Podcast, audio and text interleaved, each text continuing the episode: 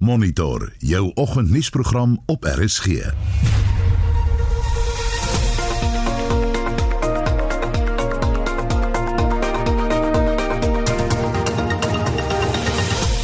vanoggend se program reaksie op die aankondiging dat skole nou eers op 15 Februarie begin. 'n Versoek dat die regering werklose dokters aanstel. Rolprentteaters hou net net kop bo water. Sedert New Metro teaters oopgemaak het vanaf die einde Augustus, was daar onder omstandighede 'n geleidelike week tot week vermeerdering van mense wat teaters toe gekom het. Maar dit kom nie naby aan die verdienste van dieselfde tyd laas jaar nie. 'n 17-jarige seun bou sy eie kar. Before August, I built a frame, the bottom frame for this one. I got a quad bike. I bought myself a quad bike. Then I cut it off to finish up my project. En Wikipedia vier sy 20ste verjaarsdag. Ons praat oor die Afrikaanse weergawe. Welkom by Monitor. Ek is Gustaf Greiling. En ek is Susan Paxton. Goeiemôre, is nou so 12 minute oor 6 is ingeskakel hier by Monitor op RSG. En ons kyk na 'n oorsig nou van die koerant voorblaaie vandag en 'n oorsig van die nuus wat vanoggend in die nuus is op hierdie uh, maandagooggend en die burger vanmôre. Beurtkrag gaan nou al erger word. Dis die voorbladberig van al drie die Afrikaanse koerante. Kenner waarsku oor fase 8. En die berig sê selfs te midde van die afswaai in ekonomiese aktiwiteite en die streng inperkings wat tot 'n kleiner vraag na krag lei, verwag Eskom in die komende 3 maande weekliks 'n kragtekort en dan het dit nou gaan ontleed met Ted Blom wat nou so praat van die uh, fase 8. Hier is ook 'n mooi foto op die uh, burger vanmôre 'n dreensprong 'n dreensprong by Hermanus Kara Smit wat daar van die rots af in die see spring. Lyk dit my en of ek hoop sy mag. Maar sy mag want daar's nie 'n strand nie. So dit is dit is dis die eerste ding waaraan ek dink. Dis mag sy daar wees. Ek sal nie van uit dink, ooh, dis hoog nee. Uh, ook 'n berig in die burger vandag Katlego Mabu, my kind alwaarop ek fokus en dit nadat daar 'n hofsaak teen hom aanhang gemaak is deur daardie ex van hom. Uh, ook uh, op die burger vanmôre virus eis man en vrou 48 uur uitmekaar. Fani en Sofia Knutsen, 'n bejaarde egpaar van Durbanville, het verlede week 48 uur uitmekaar aan COVID-19 gesterf. En dan die koens van Botasig braai al byna 300 dae in 'n ry. Uh party mense probeer Spaans praat, ander het 'n kakiebos begroeide tuin omgespit, maar die die bo die koens van Botha se gebraai 300 dae in 'n ry. Beeld vandag ook die storie oor die krag en dan 'n mooi foto daar van uh Leanne Lawson saam met haar vriendin Kitty Thompson en die berig sê fetus nog gesond na rower se wapen teen maag. Toe 'n rower 'n vuurwapen teen haar maag druk en dreig om haar na haar ongebore baba en haar twee vriendinne sonder enige probleme te vermoor, het 'n gevoel van ongekende angs oor haar liggaam gespoel en al die besonderhede in die berig daar op beeld vanmôre mense, troeteldiere en van vloedwater gered.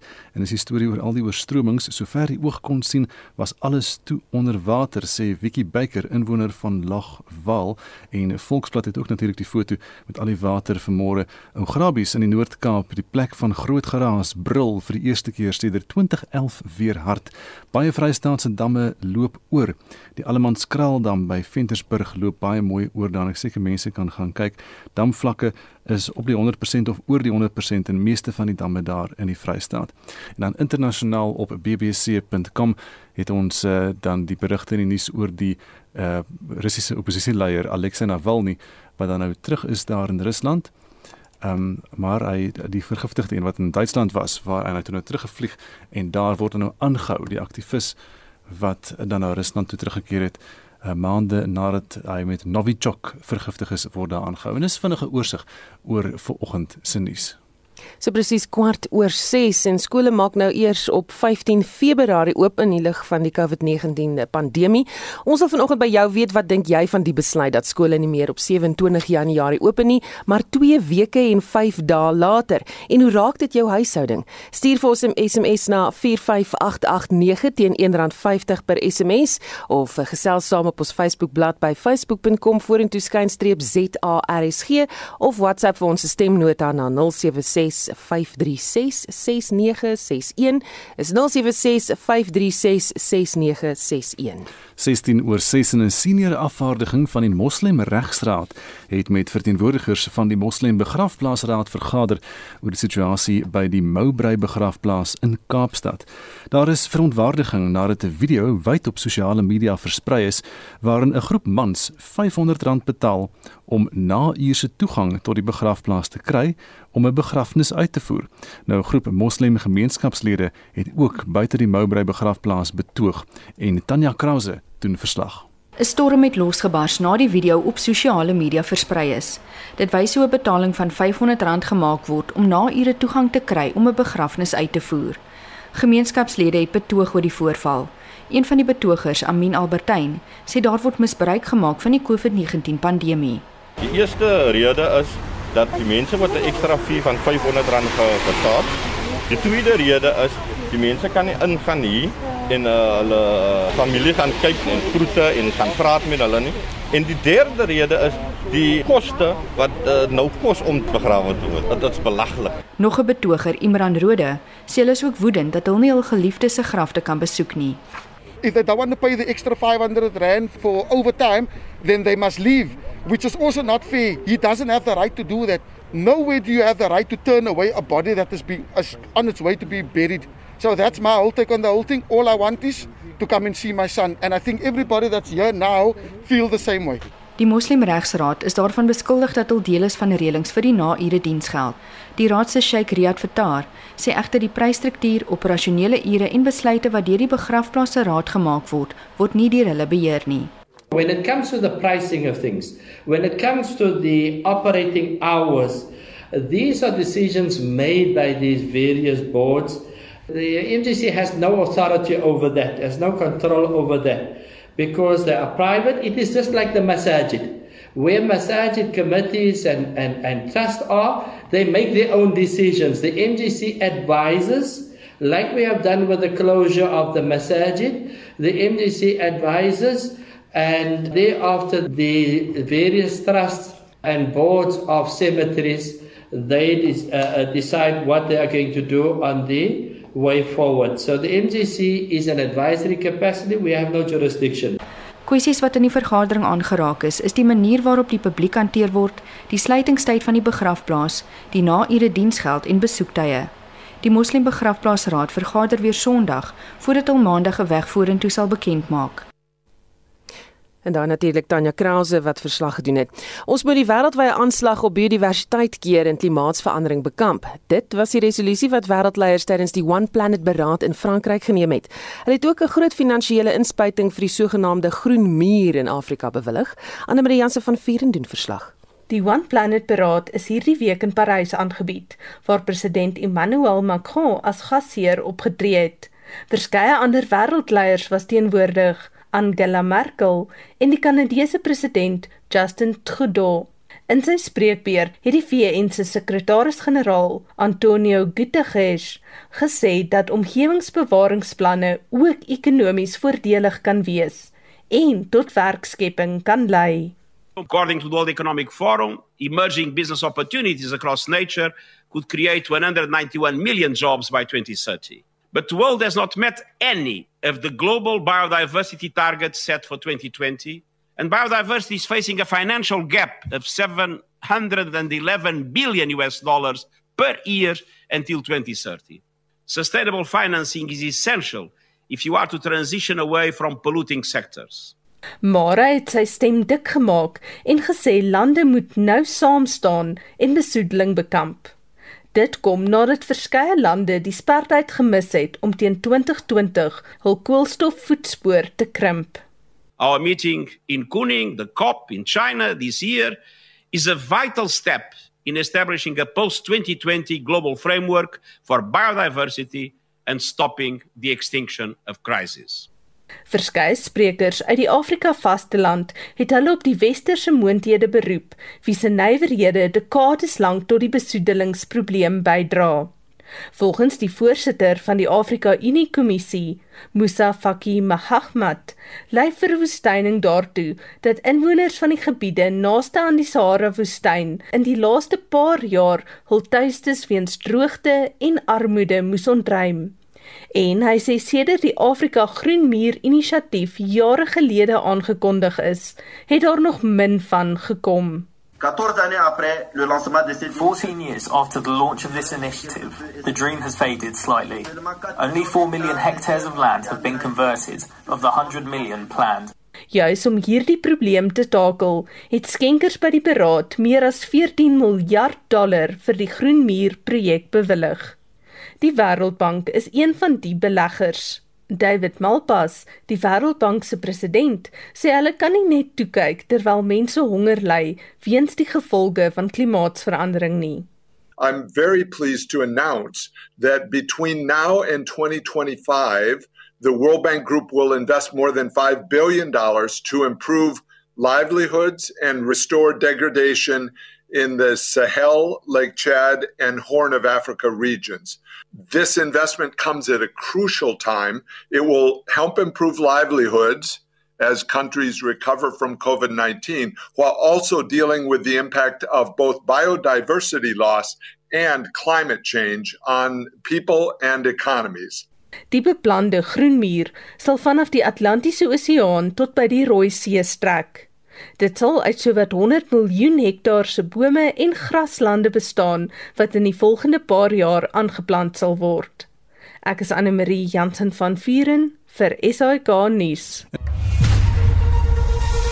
Jy luister na Monitor elke weekoggend tussen 6 en 8.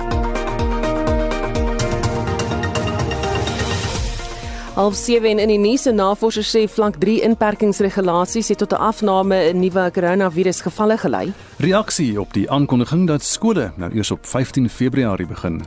En Eskom het weer begin om fase 2 beurtkrag toe te pas. Bly ingeskakel. Gemengde gevoel van die luisteraars oor skole, Heinrich.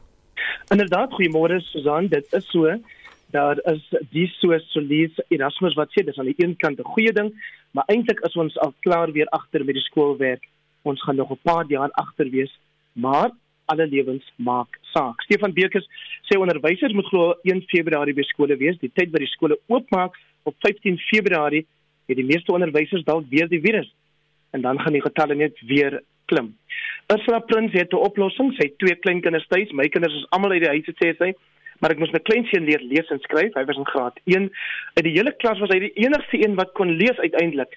En die juffrou het dit op die groep gedeel. Teen die tyd dat die skool gesluit het einde verlede jaar, was daar net twee in die klas wat kon deel en ek dink die boodskap hier is dat as daar nie 'n ouer by die huis is of 'n grootouer wat kan help nie, dan kan dit baie sukkel. So San Engelbrecht het dieselfde positiewe ervaring gehad deur te help met haar kleinkind se huiswerk of se skoolwerk hy was 5 maande by die huis sê sy en het 'n trofee gewen uiteindelik onder andere as die beste graad 4 leerder en dat hy ook uh, Asperger 'n leier is of uh, in daai toestand lê maar 'n wonderlike student is en sy moes dan op die manier gewoond raak aan nuwe terme soos wolkskool, WhatsApp klasloop en nog ander.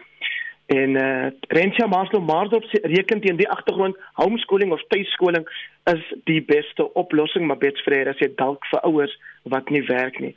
'n Laaste een van Stefan Enrico, ons kinders is weerbaar na albei kante toe. Ek dink steeds dat kinders kon skool toe gaan.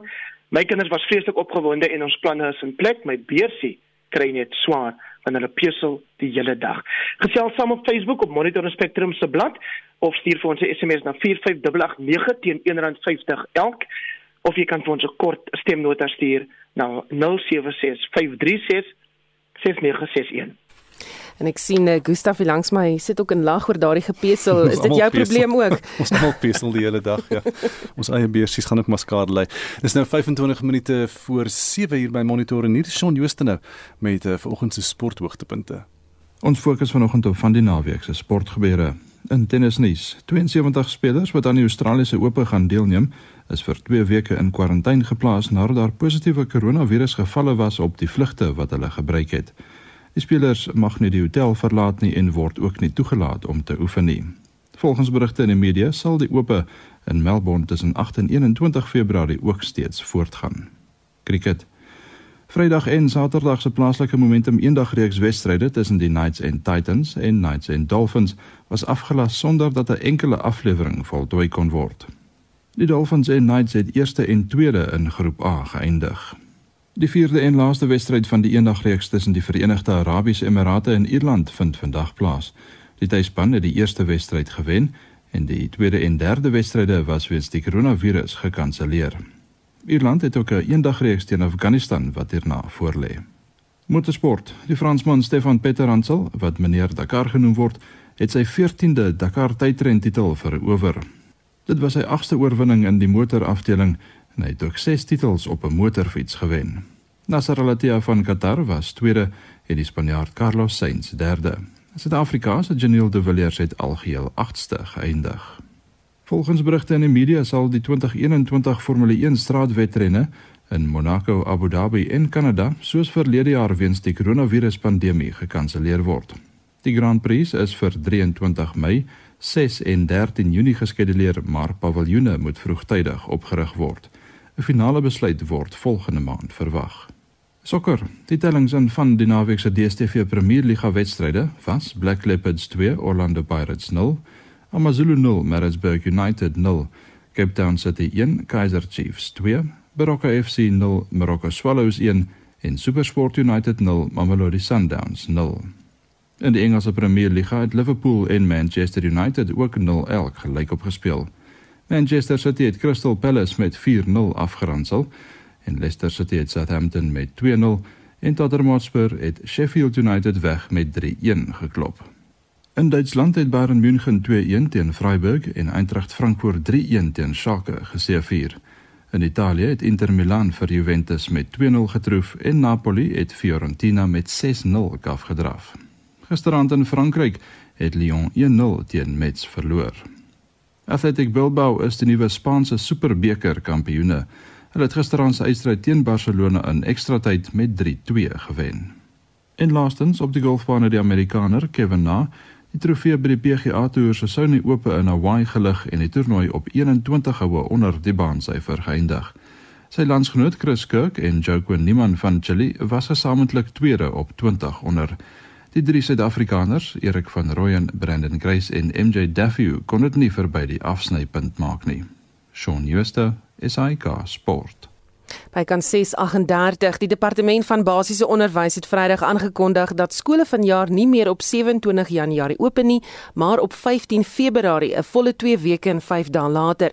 Die besluit is geneem in die lig van die COVID-19 pandemie en ons praat met Chris Klopper, die uitvoerende hoof van die Suid-Afrikaanse Onderwysunie. Goeiemôre Chris. Goeiemôre Susan en goeiemôre aan die luisteraars. Jou reaksie op die besluit? Kyk, ons het dit ons was deel van die konsultasieproses gewees om te sê dat die skole 2 weke later sal open. En um, ons stem saam met die besluit want op hierdie stadium is dit belangrik dat 'n mens fokus op die veiligheid en gesondheid van mense. Maar ons is ongelukkig oor die feit dat die groep wat die hoogste risiko op hierdie oomblik loop, is die onderwysers en om nou 400 000 onderwysers en 300 000 um, weet jy onderwysassistente te dwing om elke dag met mekaar in interaksie te tree is na ons oordeel nie die um, die veiligste en die mees uh, sinvolle besluit nie. Nou privaat skole waarvan uh, sommige sal begin het en staatskole wat gereed was om op 27 Januarie te open, moet nou ook almal op 15 Februarie open. Uh, hoe voel jy oor daardie besluit oor die privaat skole? Wel, kom ek sê die, die privaat skole het met hulle gesprek gevoer en hulle het aangedui dat um, hulle sal ook inval by die besluit. Hmm. Maar dit is veral ehm um, die privaat peterskole wat wat 'n probleem is in die sin daarvan dat ouers moet gaan werk en hulle het 'n plek nodig om na hulle kinders te kyk. En daarom is dit belangrik dat mense in ag moet neem dat daar verlede jaar 'n hof uitspraak was. En daai hofuitspraak was 'n skikking geweest tussen die onderwysdepartement en die um, en die verskillende groeperinge wat die hofsaak gedryf het. En dit is dat kleuterskole mag oopmaak. Nou, jy het 'n paar somme gemaak oor hoe, jy weet, hoe groot die impak op leerkragte was deur die pandemie. Ja, op kyk as jy kyk na die huidige infeksies, moet jy in ag neem dat omtrent 5.5 na 6% van hulle is onderwysers. En wat dit beteken is omtrent so 12000 van daai onder van daai persone wat onderwyspersoneel is wat geïnfekteer is. En wat belangrik is ook om in ag te neem dat van die huidige geïnfekteerdes weet ons daar gaan omtrent so 325 330 van hulle sal ook weet die um, ons ontval. So dis vir jou 'n prioriteit dat onderwysers ingeënt moet word. Dit is vir ons 'n prioriteit. Um, hulle is van die groepe wat die hoogste risiko dra. Hmm. As jy in ag neem 'n gewone onderwyser elke dag, as hulle is in interaksie met omtrent 300 huisgesinne op 'n daaglikse basis En dit is 'n geweldige groot ehm um, die risiko wat elke persoon dan loop, veral in die lig van die feit dat onderwysers se gemiddelde ouderdom is 49, 50 jaar. Hulle val net mooi dan weet jy in daai risikogroep in. Hm. En het jy nog statistiek oor die impak van die pandemie op die skole? Wel wat ons weet is dat daar was navorsing gewees in Groot-Brittanje en ook in Suid-Korea dat die oomblik wat die skole oopmaak, is daar 'n geweldige opwelling in infeksies en 'n mens moet in ag neem dat ons praat van 12 miljoen kinders weet jy wat tot die stelsel gaan toetree. So dit is 'n geweldige um, weet jy interaksie waarvan ons praat. En dit is ook hoekom ons saamgestem het met die beginsel dat um, dit beter is om dit uit te stel vir 'n week of twee en dat die stelsel reg is. Want daar's 'n paar aspekte wat nie in plek is en dit is byvoorbeeld maskers. Daar moet 2 miljoen maskers voorsien word vir um, die graad 1 en die graad 8 wat by die by die laerskole en hoërskole toe tree.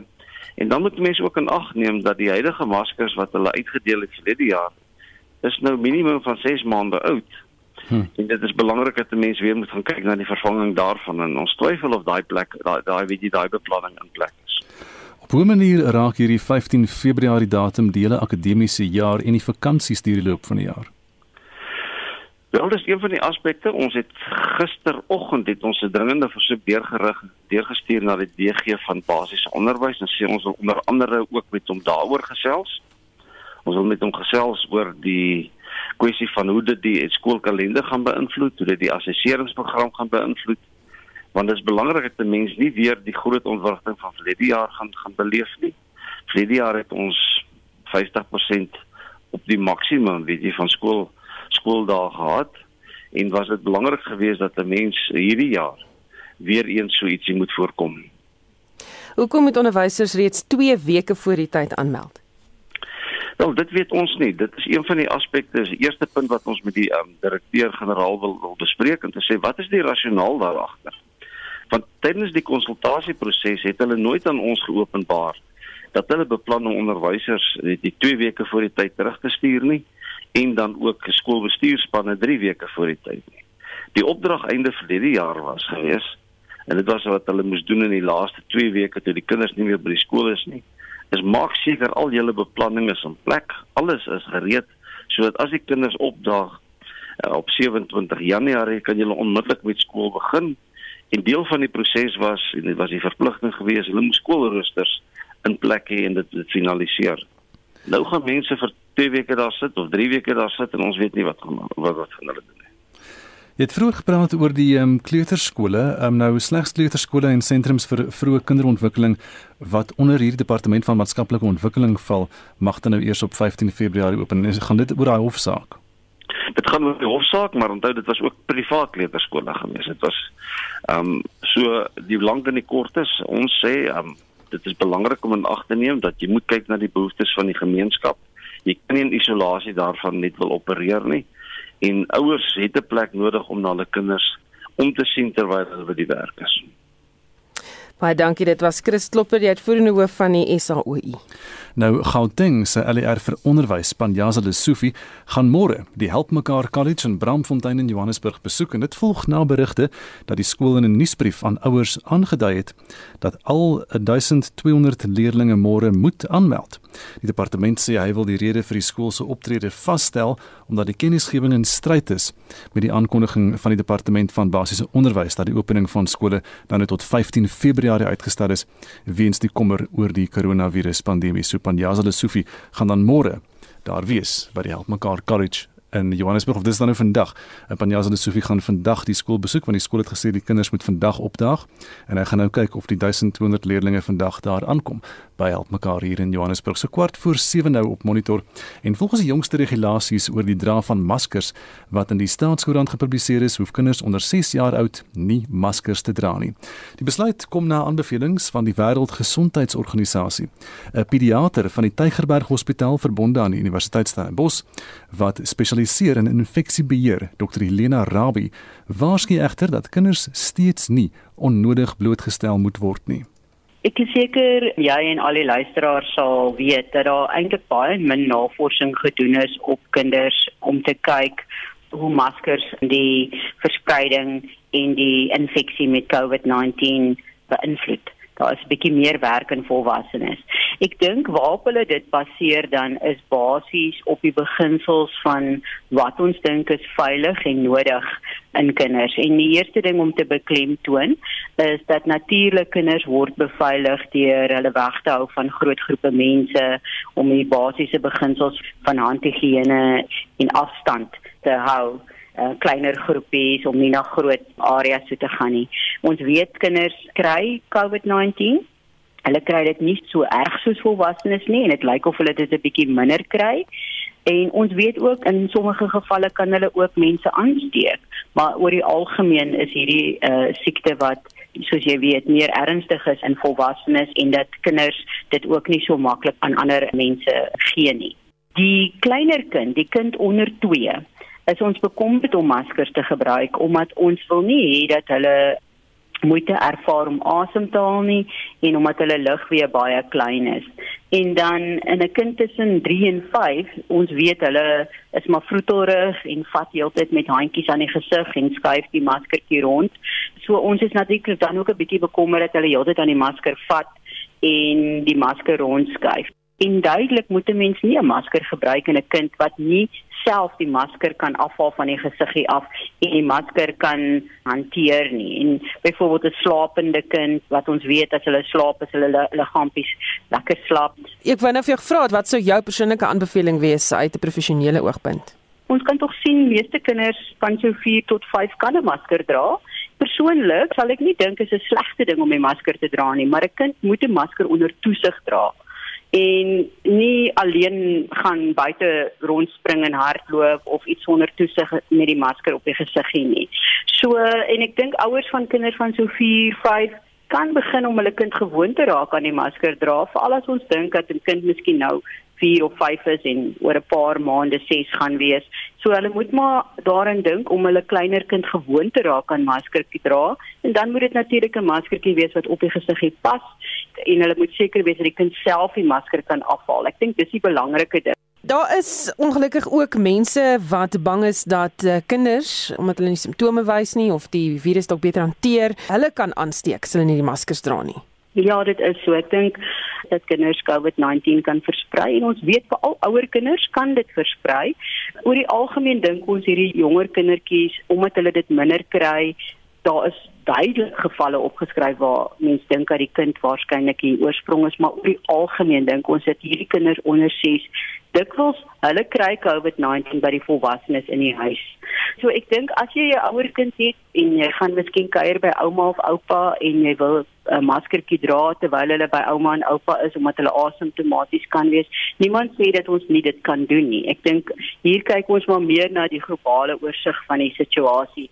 In die individu kan jy natuurlik vir jou kindjie as jy na ouma en oupa toe gaan as 'n bietjie gaan kuier 'n maskertjie dra onder toesig en definitief nie 'n heel klein kind nie maar die nie 4 5 jarige kan 'n masker dra as hulle by ouma en oupa gaan kuier en ouma en oupa is bekommerd dat, dat kinders hulle kan aansteek. Ja. So ek dink 'n groot kommer vir ouers is natuurlik dat die maskers ook die gesigsuitdrukking van volwassenes masker. So dit is ook moeiliker vir kinders om en jammer die Afrikaans verlaat my nou die social cues te sien van die van die gesigsuitdrukking. Ek dink hier sit waar ons maar ons woorde en ons stemtoon moet gebruik om te sê weet hoe waar ons is met die emosionele situasie en weet maar die oor te laat lag as jy nie die mond kan laat lag nie. Dokters in uh, die Sebokeng Hospitaal meld aan dat daar al meer gevalle is van jong kinders wat hulle moet behandel vir COVID-19. sien julle ook hierdie tendens? As jy gaan kyk oor die algemeen na die NICD en en ek is nou in die Weskaap na die Weskaap se as ek nou sal sê COVID-19 dashboard, dan gaan jy sien daar is kinders en daar was in die eerste golf ook kinders.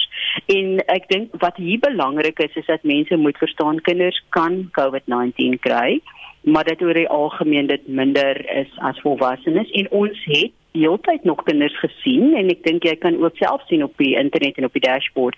Maar die realiteit van hierdie situasie is dat proporsioneel bly die kind eintlik in 'n situasie waar ons proporsioneel minder kinders sien. En oor die algemeen sal ek sê dat ja ons gaan altyd kinders sien met COVID-19 maar dat die jong kind die kind onder 5 oor die algemeen nie die die hoofrede vir hospitalisasie is nie COVID-19 nie, maar as daar so 'n uitbraak is soos wat daar nou is, Jy weet, jy gaan kinders sien. Dit is dit is amper dit sou eintlik baie snaaks gewees het as ons hulle nie gesien het nie. Ons sou gewonder het kan ons hulle diagnoseer. So aan die begin van die epidemie was ek eintlik bang dat kinders proporsioneel erger geaffekteer sou wees as volwassenes en ehm um, dit was my regte vrees want ons weet dat die meeste virale infeksies kinders erger affekteer. Maar dit het redelik vroeg al in die pandemie uitgekom dat kinders minder geaffekteer is en op die oomblik sien ons kinders met virale infeksies en sommige van hulle het ook COVID-19 en het hospitalisasie nodig. En ouers is ook miskien bekommerd oor die nagevolg die wat hulle noem die MIS-C, wat die inflammatoriese siekte is wat kinders kan kry wat selfs min simptome gehad het so 'n paar weke na COVID-19. So dit het ons ook al gesien, maar dit is 'n ongelooflike skaars siekte in die hele konteks van die ongelooflike groot uitbraak van COVID-19 wat ons op die oomblik het. Die stem daarvan 'n pediater van die Tygerberg Hospitaal verbonde aan die Universiteit Stellenbosch wat spesialiseer in infeksiebeheer, Dr Helena Rabbi. 9 minute voor 7. Die dorp van der Kloof in die Renosterberg munisipaliteit in die Noord-Kaap se belastingbetalersvereniging sê dienslewering het byna opgedroog nadat dit onder administrasie van die provinsiale regering geplaas is. Die voorsitter van die belastingbetalersvereniging, Lende Jager sê elke bestuurstekensdatum is misgeloop en die bankrekening is byna leeg die lewens is nogal wyd. Daar seker dinge soos byvoorbeeld vullisverwydering. So is maar basiese dingetjie. Dit word so die kraak gedoen dat mense nie eintlik kan sê daar is dienslewering nie, want jy weet nooit wanneer dit gedoen gaan word nie. As dit gedoen word nie. As jy kyk na ons dorp, dit word nie skoon gemaak nie. dit gereën het en die voet word in die strate gespoel, dan word dit maar net so gelos. Gate word nie meer toegemaak nie. Dis 'n tegniese departement. Ons het op 'n stadium probleme gehad met watervoorsiening en veral oor Kersfees self ondersoek aanstel word ons gesê dat iets foute gegaan met die pompe. Ja, hulle vermoed daar's eers 'n pypstuk in gebars het. Ons gaan kyk uiteindelik by die plek aangekom. Ek stel ons vas dit is 'n pomp wat al lank al gebreek is, wat 'n koppeling fout het en hulle probeer net vir ons verduidelik dat die oorblywende pompe nie sterk genoeg is om die water bo in die reservoir te kry nie. En op 'n van die dae het ons net maar die afleiding gemaak. Die persoon wat die werk moes doen het, het Kersdag of Kersnag net maar net geslaap of oorgebly. Ter in die water geproduseer het die tipe van dinge gebeur aan mekaar. Mens kan net nie meer pyl trek op dienste wat gelewer gaan word nie. Wat gebeur met Eskom? Met Eskom het ons verwag dat hulle gaan die 7de Desember, dit was mos nou 'n deadline gewees wat daar tussen die munisipaliteit en Eskom ooreengekom is word oor die skuldterugbetalings. En ons het verwag dat die krag afgeskakel sou wees daarna. Ons het selfs so ver gegaan om uh, rekeningbetalings in ons eie rekening te laat doen sodat ons dit dan ten minste aan Eskom kon oorbetaal sou ons krag afgesny word dit het nooit gematerialiseer nie. Ons krag is nog steeds aan. Ons weet nie wat aangaan nie. Ons kry geen terugvoering van die munisipaliteit nie. Dis nie waar staan op hierdie stadium met eers gewoon van enige dag kan hulle besluit sny ons krag af want ons weet nie of hulle betaal is of nie. Watter rol het die administrateur Temba Loko in die situasie gespeel? Die administrasie self. Man ons het eintlik streng gesproke is daar 'n verkiesing gehou en daar's 'n nuwe raad gekies. Ons munisipale bestuurder wat deur Loko geskort is, die is nog steeds geskort en Lokko steeds hier. Ons verstaan nie wat aangaan nie. Die ouens veronderstel om terug te kom. Die ou sou blikbaar verhoor gewees het en ons verstaan hy's as 'n gevolg van siekte kon dit nie bywoon nie. Dit het om te doen met die COVID storie ook. So ons sit nou en vir ons paal bestuurder, die Lokko self speel nou maar paal bestuurder ook. Maar uh, vir ons is hy onsigbaar. Ons kry met hom geen vergadering gereël nie. Ons kry gevoel van hy weier om die mense van van die kloof met ons vergadering te hou. Ons word wel gesê van by einkomste maar dis nie die idee van 'n vergadering om onder 'n taxi staanplek se dak 'n byeenkomste hou waar al die mense die nodig is en met hulle hulle te praat is blykbaar sy manier van skakeling met die gemeenskap. Ons soek hulle om 'n tafel waar ons die spesifieke probleme kan bespreek en kan besluit oor wat gedoen moet word. Maar die gemeenskap word nie ingelig nie. Dinge word van ons af weggehou. Ons weet byvoorbeeld nie waar staan ons met eers kom nie. Wat was die vereniging se verwagting van die administrasie se ingryping? Ons het daarteen van die begin af want ons het van die begin af gedink dis onnodig.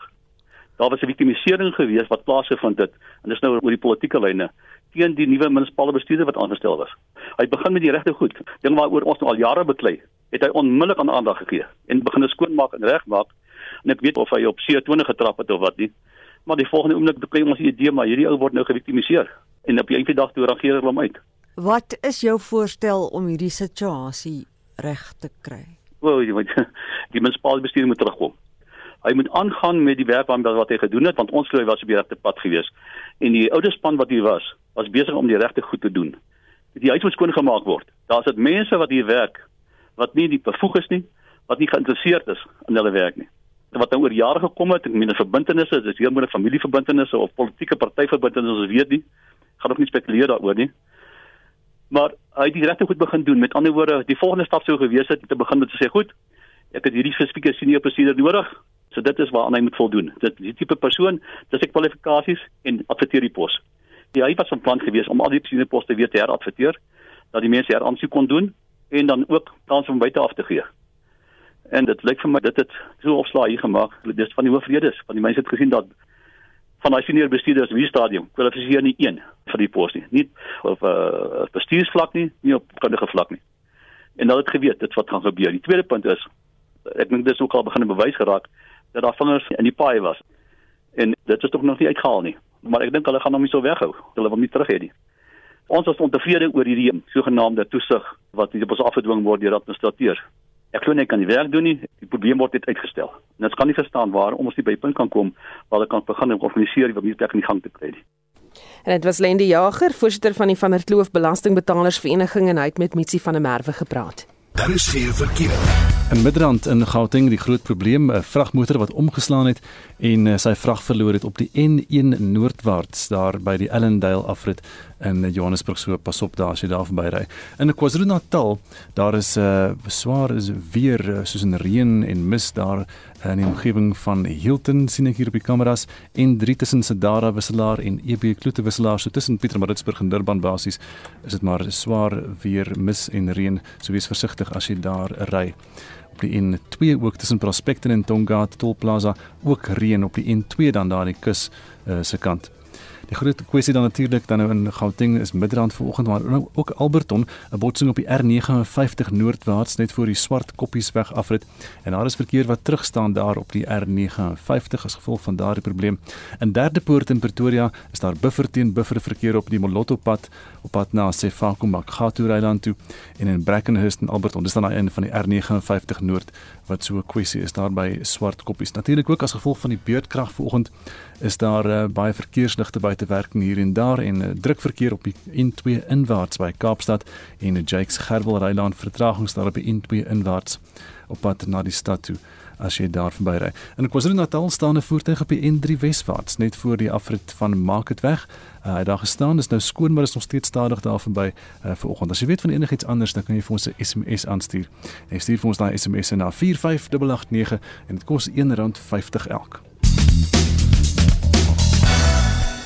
Heinrich, jy's aan die woord. Susan, ja, daai nommer 45889 is ook waarheen luisteraars vir ons hulle terugvoer stuur oor ons vraag vanoggend. Hoe voel jy daaroor dat die skole nou vir 'n ekstra 2 weke vakansie gaan hou en eers op die 15de Februarie vir leerders sal open? Waar het al hierdie onderwysers geïnfekteer geraak aangesien die skole toe was, vra hy nie. Die skole blyk nie die probleem te wees nie, so moet nou nie die kinders straf nie. 'n Ander luisteraar sê ons as onderwysers of liewer as 'n onderwyser ja, het skoolwerk aan die ouers uitgestuur, boeke en WhatsApp met ouers gedeel. Party het gewerk, ander het die boeke net so teruggebring. Ja, sommige graad 1s kon nie lees teen die einde van die jaar nie. Dan vra iemand watter verskil maak dit nou of die onderwysers nou op die 1ste of die 15de Februarie terug aan skool toe met 300 gesinne um, en dan met 300 gesinne kontak sal hê wat moontlik of nie die virus onderlede het. En dan op Facebook bet sonder sê dis nie maklik nie. My kleintjie kleintjie van 8 is autisties en ek kyk al vir, vir 10 maande na hom, maar as ek hom gesond kan hou, sal ek dit weer doen. My kleindogter is 10 jaar oud en dit raak haar emosioneel baie, maar ouma probeer maar alles om dit vir haar lekker te maak en ons het goeie tye saam. En dan Annelien eh, Tron Victor wat sê ek dink die kinders is veiliger by die skool as wat hulle in die strate ronddwaal. Dan van die terugvoer vanoggend, ons wil nog van jou hoor op Facebook of dan deur vir ons 'n SMS te stuur na 45889. En dit was Hendrik wat van ons terugvoer gegee het. Eh, Dik het laat weet Clint Eastwood is vandag 91 jaar oud. Ek het gaan kyk, hy is nie, hy's hierdie jaar 91 oud op die uh, 31ste Mei en hy's in 1930 gebore. Dis presies 7 uur tyd vir die nuus. SAK nuus. Onafhanklik, onpartydig.